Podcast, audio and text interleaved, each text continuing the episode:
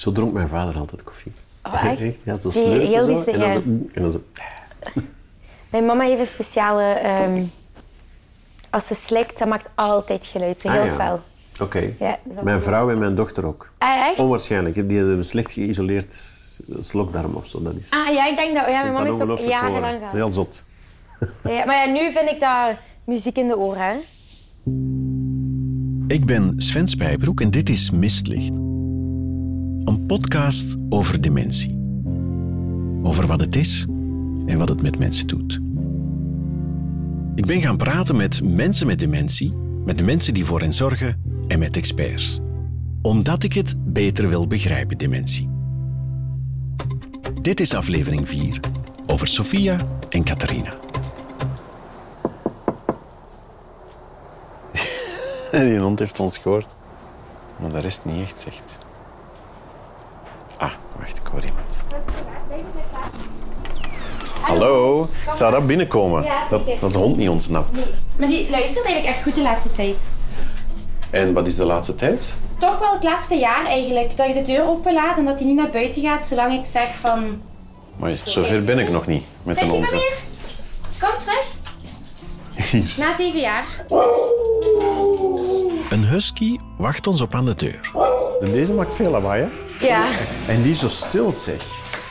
Als ik dat niet meer hoor, dan moet ik me zorgen maken. Katrina is een vrouw van ergens in de twintig. Ze woont in Genk Ja. samen met haar mama Sofia en haar papa Tasso. Bij de familie Zervas is het echt de wereld onder één dak. Katrina heeft een Amerikaanse bulldog, een Noorse husky, een Griekse vader en een Portugese moeder. Als we aankomen ligt Sofia nog in haar bed.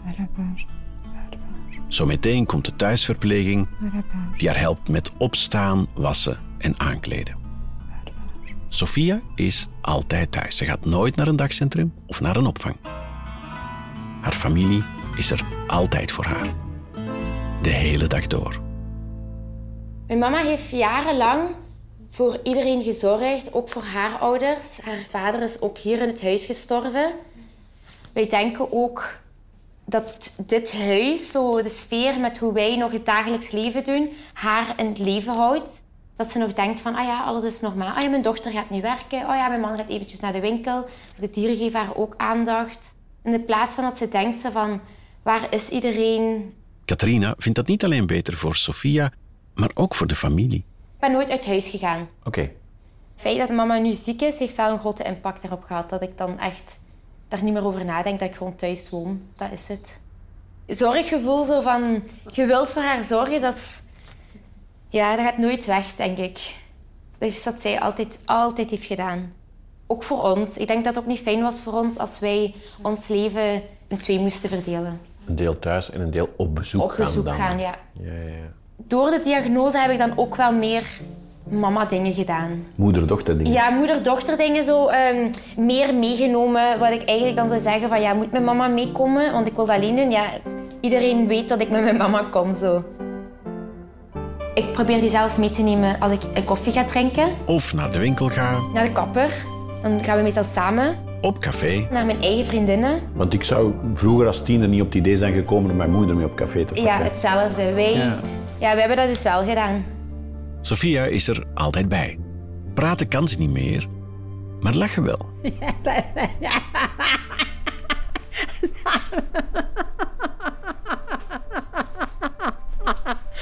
Vier jaar geleden begon Ja. dat. Dit is Tasso, Toen ze echt de, de woorden begon te verliezen. Hè. de man van Sophia en de papa van Catharina. En wat zei ze toen? Altijd? Ja, zo eh, gemixt. Zo Portugees met Vlaams. Maar eh, dat Portugees was niet verstaanbaar, ook dat Vlaams niet. Die, die was echt de, de, de woorden was die kwijt. Hè. Bij haar is dat heel snel gegaan eigenlijk. Hè. Na de diagnose, vier, vijf jaar. Terwijl bij anderen de spraak heel lang blijft. Hè. Bij Sophia is er nu nog één woord over. Een woord zonder betekenis.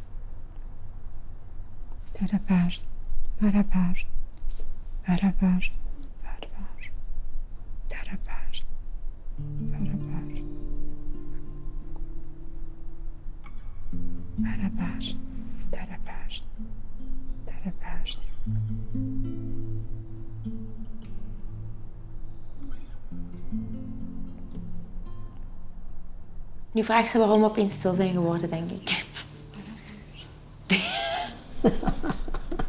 Vond je dat raar dat het stil was geworden? Sophia praat niet meer, maar haar gemoed volgt het gesprek. Als wij vrolijk zijn, dan is zij vrolijk.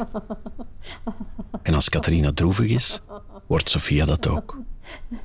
En hoe, hoe was dat voor jullie als er als spraak verloren is?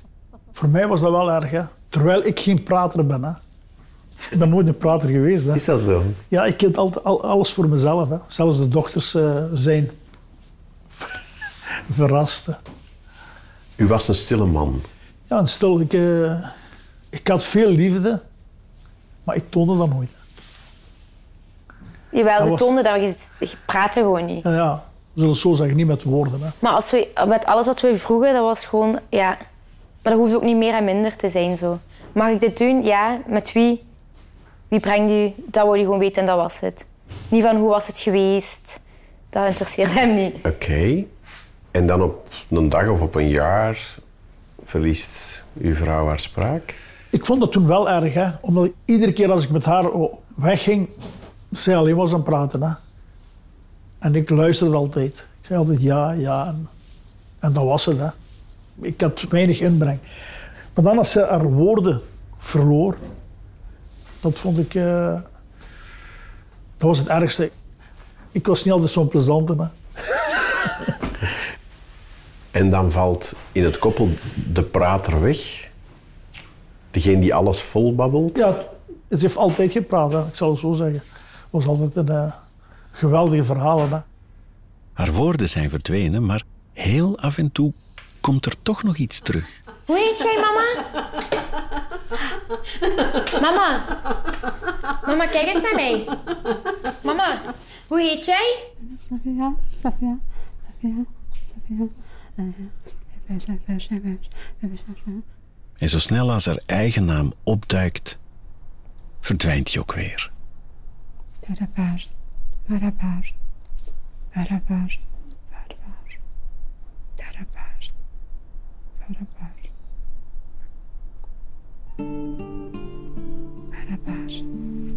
Sophia, Tasso en hun kinderen beleven nog van alles samen. Weet dat je een rok moet doen. Ze plonsen in het zwembad in de tuin. Ze gaan op reis. Mama, slaap wel. Mama. Mama, slaap wel. Ze dansen rond op Cristina Branco, de favoriete muziek van Sophia.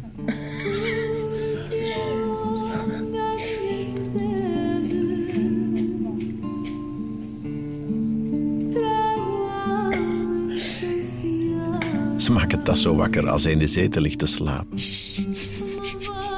Dat je papa wakker maakt. Staan samen voor de spiegel. Hallo. Hallo. Soms kleine, grappige dingen, Hé, papa niet uitkleden, hè, mama? maar soms ook groot nieuws. Ik ben zwanger. Ik heb een baby. Ik heb een baby. Ik krijg een baby. Ja, echt? Ik ben zwanger.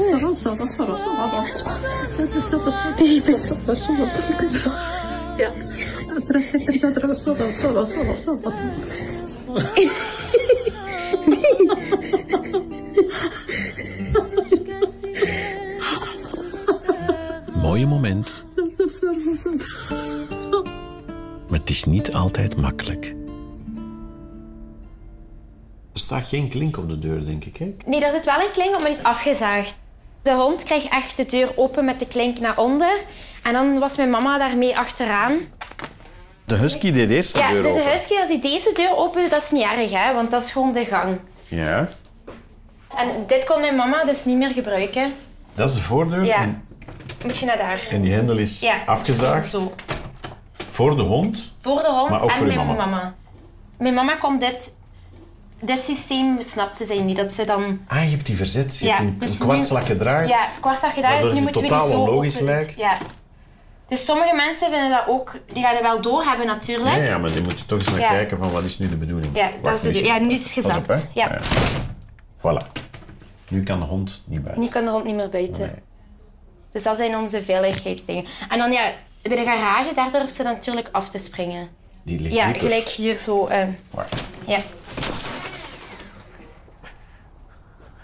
Like daar durfden ze er echt dan van af te springen. Ah ja.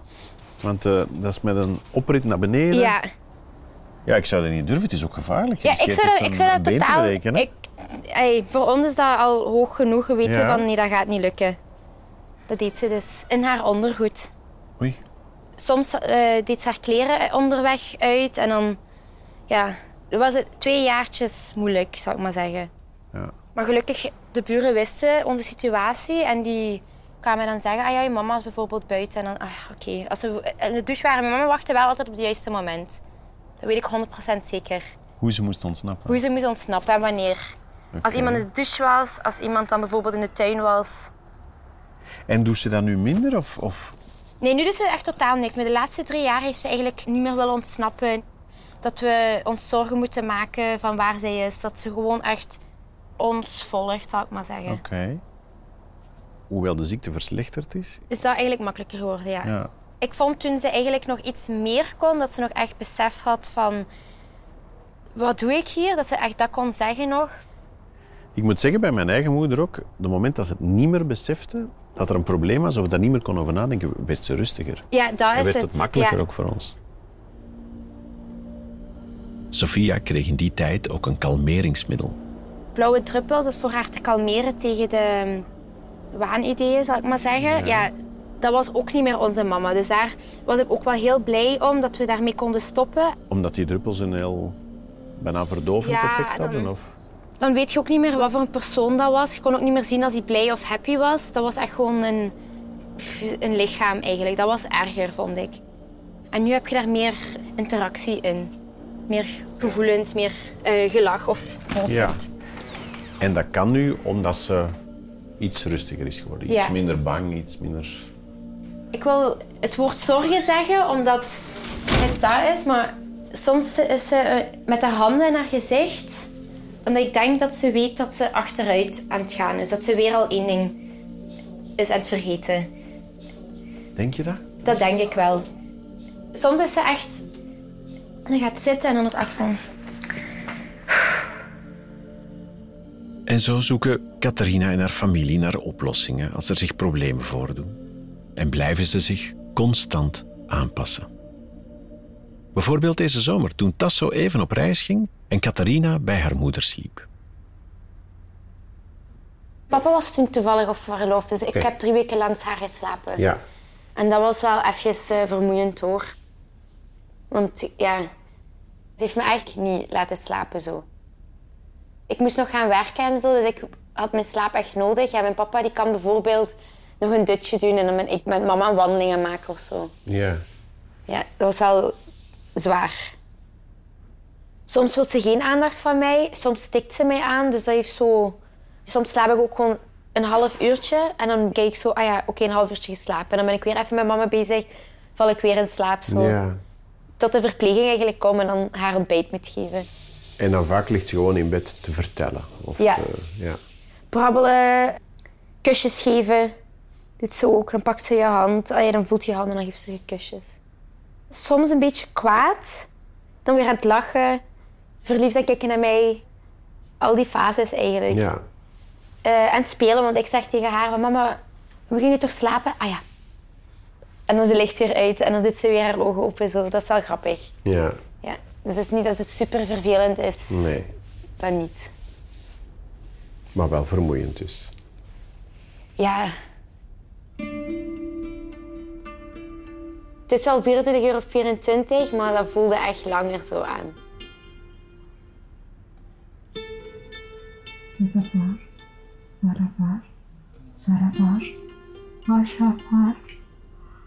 Shavar, Catharina stuurde een filmpje door. Het beeld is donker.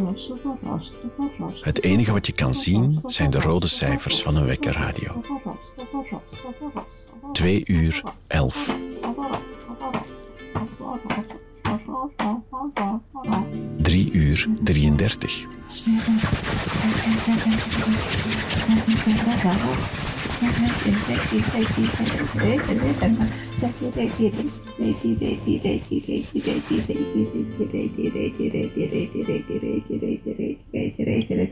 Vier uur 17.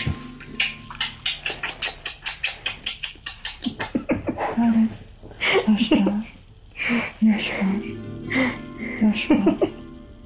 Yaş var. Yaş var.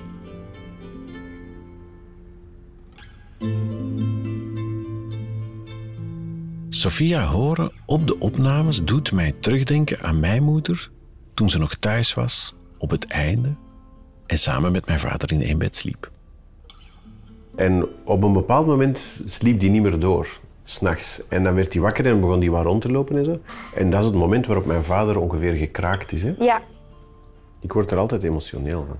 Als ik te weinig slaap heb gehad. ja, ik ben sowieso emotioneel, dus ik kan, ik kan dat niet zeggen als ik er meer van word of... Meer is niet Ja, mogelijk. ik ben altijd emotioneel. Als ik moe ben, als ik, eh, zelfs als ik blij ben, ben ik emotioneel. Dus kan ik wenen van blijdschap.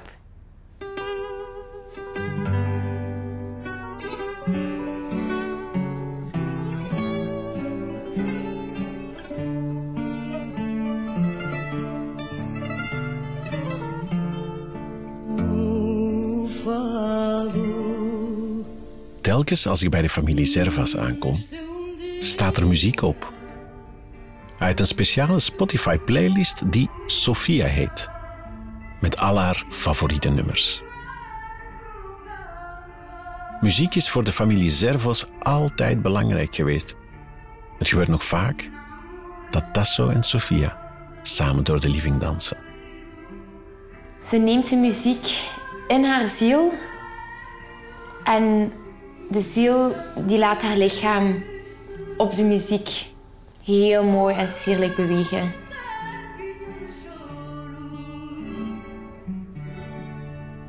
Als wij muziek horen, dan beleven we dat met ons lijf. Dit is Anke Komans, dokter in de muziektherapie, verbonden aan de Lucas School of Arts en het Universitair Psychiatrisch Centrum in Kortenberg. In al je poriën van je lichaam voel je hoe dat muziek in je lijf kan kruipen. En als we dat vertalen naar personen met dementie, waar dat bijvoorbeeld de cognitie heel sterk gaat wegvallen of een aantal handelingen niet meer mogelijk zijn vanuit functies in de hersenen, dan merken we dat dat stuk vaak heel bewaard is.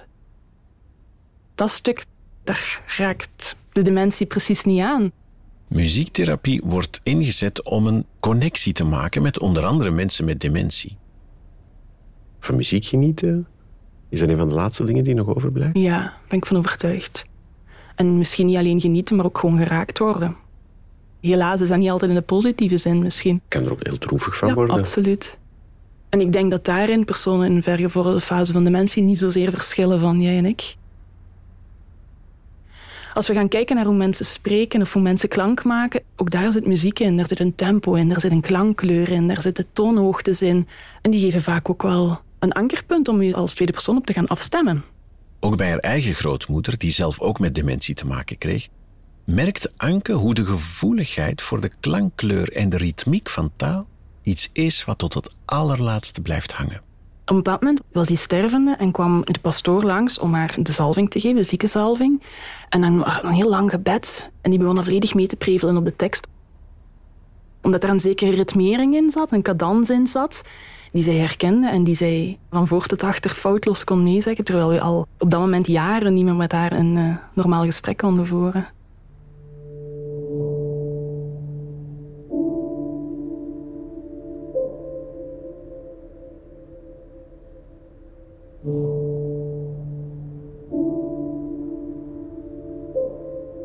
Misschien moet ik eens een voorbeeldje geven. Ik had ooit een dame en ik was nog niet zo heel lang aan het werk als muziektherapeut. En die wandelde over de afdeling, was altijd maar iedereen aan het aanklampen. Die was altijd op zoek naar iets of iemand. En ik nam haar nu een in mijn muziektherapielokaal. En ik vroeg haar om naast mij te komen zitten aan de piano. En ik dacht, ja, dan ga ik zelfs voor haar beginnen improviseren. Misschien wil ze wel meedoen en leer ik haar op die manier wat kennen. En eigenlijk had ik na die sessie zoiets van, ja, oké, wat heb ik nu betekend voor die vrouw? Wat heeft dit nu bijgedragen voor haar?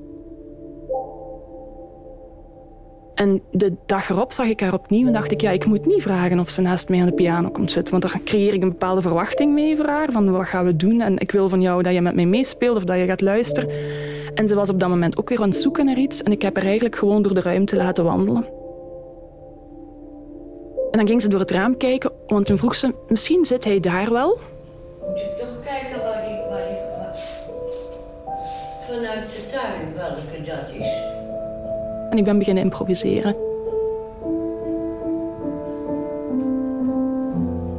En die dame heeft zich omgedraaid en is beginnen dansen, gelijk een ballerina. En bleek achteraf dat het ook een prima ballerina was geweest. We hebben toen, ik denk, een tiental minuten samen muziek gemaakt. Ik speelde piano en zij danste. En op dat moment was ik niet met een persoon met dementie in de ruimte. Was ik echt met een, ballerina in de ruimte. En ik was haar pianist en ik stond ten dienste van haar dansen. En dat voorbeeld heeft me heel veel geleerd van de verwachtingen die wij hebben. Ehm, we gaan soms ook muziek opzetten in de hoop dat ze gaan meezingen. Ik denk dat dat ook heel vaak gebeurt en heel vaak heel mooie momenten kan opleveren. Maar vaak is dat ook, denk ik, voor ons verlangen een stukje in te vullen natuurlijk. Ik heb zelf ook een mama gehad met jong dementie. En dat is ook een stukje de ontkenning. Hè, van op het moment dat ze meezingen of zo, is ook een stukje dat je de mensen eventjes niet hoeft te zien. Iemand die heel onrustig is in mijn sessie, die, ja, die de draad echt helemaal kwijt is en heel onrustig is, kan het soms helpen als ik muzikaal ga improviseren, als het ware een soort van omhullend tekentje rond die persoon muzikaal brei, om die persoon vast te houden, om die bij te houden, om te zeggen van hier is iemand die u onrust voelt, zonder die onrust meteen te willen gaan wegduwen of te willen gaan ontkennen, maar er net een soort van vorm aan te geven.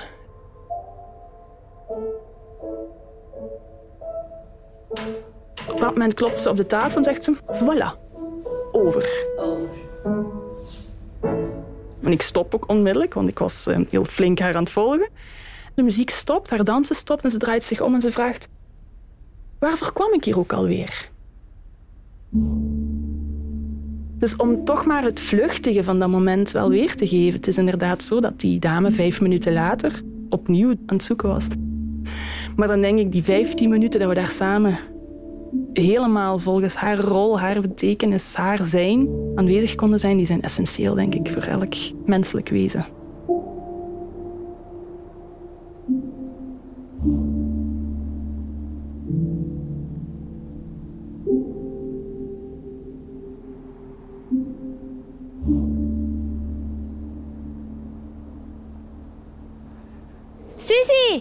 Een kleine maand later wandel ik met Sofia, Catharina en hun buurvrouw Suzy! in de wijk rond. Wacht even.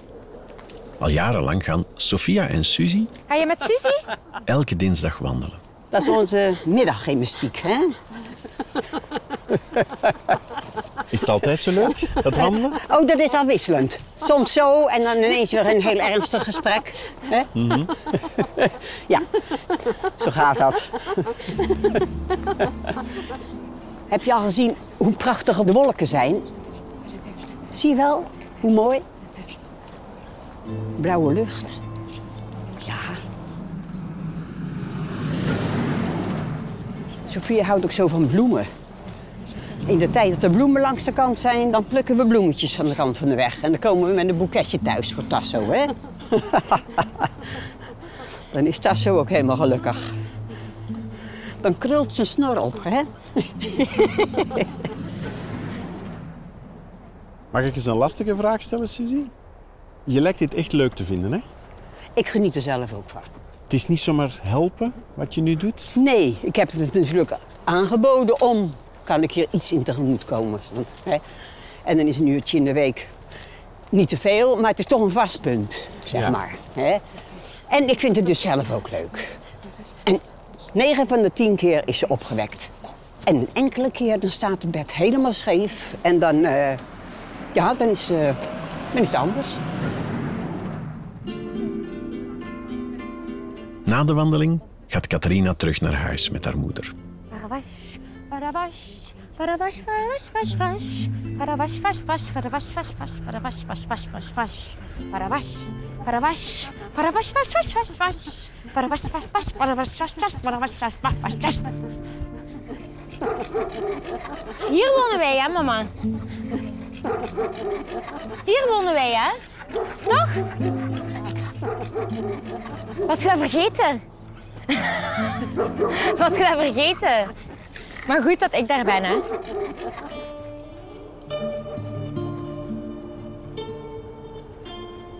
Het gaat gewoon één dag zijn dat ze opstaat en dat ze zegt van...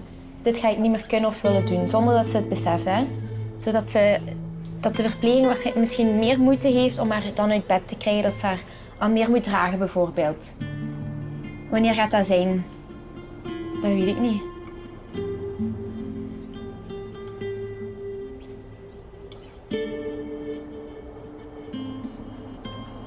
Kan geen datum geven. Ik kan ook niet meer zeggen wanneer ik mijn laatste gesprek met mijn mama heb gehad. Dus ik hoop dat ik met dit dat kan tegenhouden. Zo.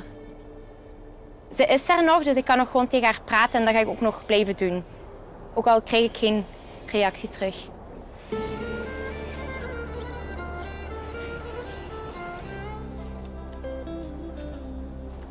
Kom, mama.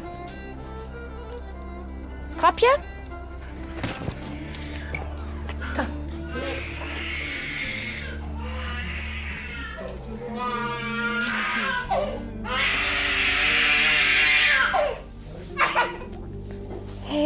Kleinzoon van Sofia is op bezoek. ben je wakker? Een jongetje van een paar maanden oud. Heb je gezegd wie dat is, mama? Heb je tegen hun verteld wie dat is? Dat is uw kleinzoon, hè? Sofia staat naast Catharina. Je bent oma geworden, heb je dat verteld? Ze kijkt naar haar kleinzoon. En dan klapt ze in haar handen. Marzio ligt op de arm van zijn oma. En ze geeft hem kusjes. Bij mijn mama gaan heel veel dingen weg. Dus wat je met een baby doet, je, je maakt hem klaar voor de wereld. Hè? Voor zelfstandig te kunnen gaan wandelen, zichzelf gaan aankleden. Daar kijk je zo naar uit. Ja, bij mijn mama, we weten, ah ja, die gaat nog erger worden. Dus wat je met een baby oefent om te kunnen, als, je wilt haar een fatsoenlijke mens maken. Ja, bij mijn mama, we willen dat ook, maar de ziekte laat dat niet altijd toe. En ook zo met een baby, ja. Oh, ik kan niet wachten tot hij kan lopen. Oh, ik kan niet wachten tot hij tegen mij kan praten. Bij mijn mama is dat nu van... Oh, hoe zou dat nu zijn als ik kon praten met de baby? Hoe zou dat nu zijn, zo? Dat is het verschil.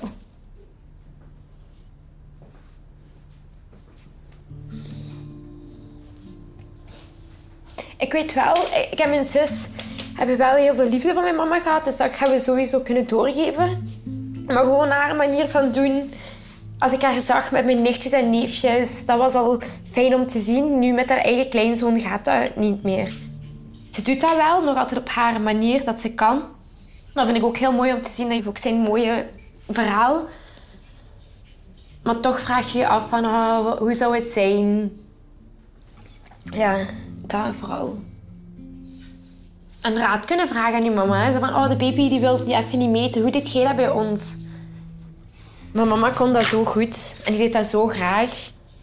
En die was eigenlijk ook al heel lang aan het vragen. Was erop aan het hopen. Ja, ze was er echt al op aan het hopen. Ja, komen. ja, zeker. Maar ik zei altijd dat de honden mijn kinderen waren. Dat dat haar kleinkinderen waren. Ja, niet het juiste antwoord. Nee, niet wat ze wou horen. Nee, niet wat zij wou horen.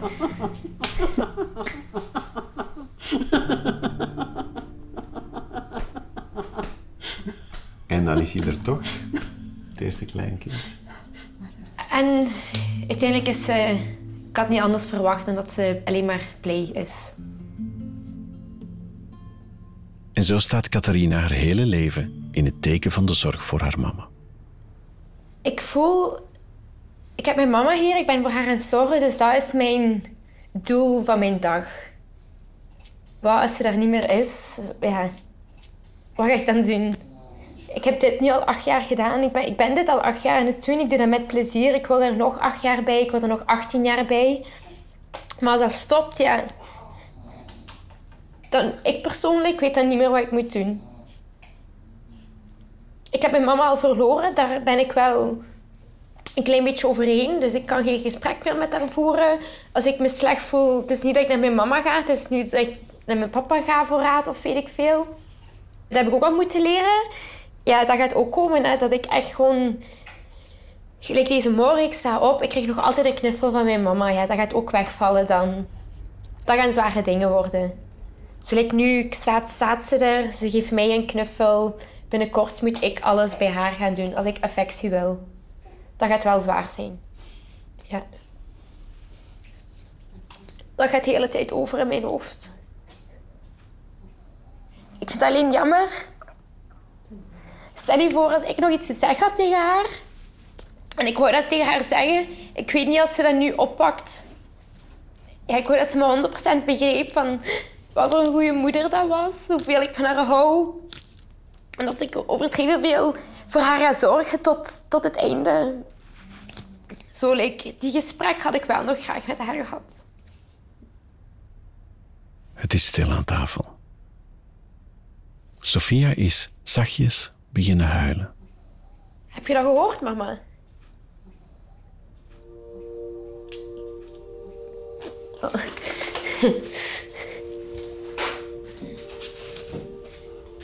Sorry. Ik wou je niet verdrietig maken. Katrina neemt haar moeder in haar armen en geeft haar een knuffel. Ik kan ook niet tegen haar zeggen dat ik aan wenen ben, maar dat dat, dat oké is. Ik kan dat tegen haar zeggen wel, maar ik hoop dat ze dat ook wel echt begrijpt. Van, ik ben wel aan wenen om haar, maar... Ik ben oké.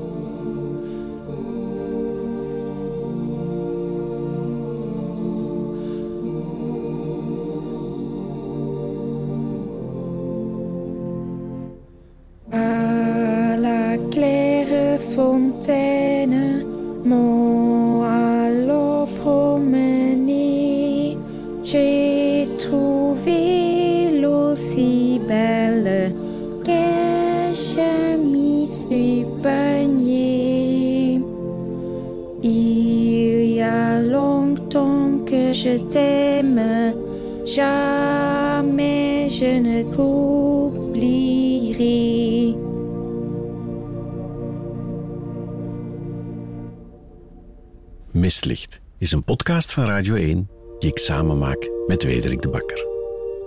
De muziek die je hoort is van Frederik de Klerk. In samenwerking met Expertisecentrum Dementie Vlaanderen en Alzheimer Liga Vlaanderen. Je vindt meer informatie op www.omgaanmetdementie.be schuine streep mistlicht. Ah, goedemorgen. In de laatste aflevering Waar moet dan nu die celder hier? het dagcentrum van de Wingert in Leuven. Is dat prei? Is dat prei?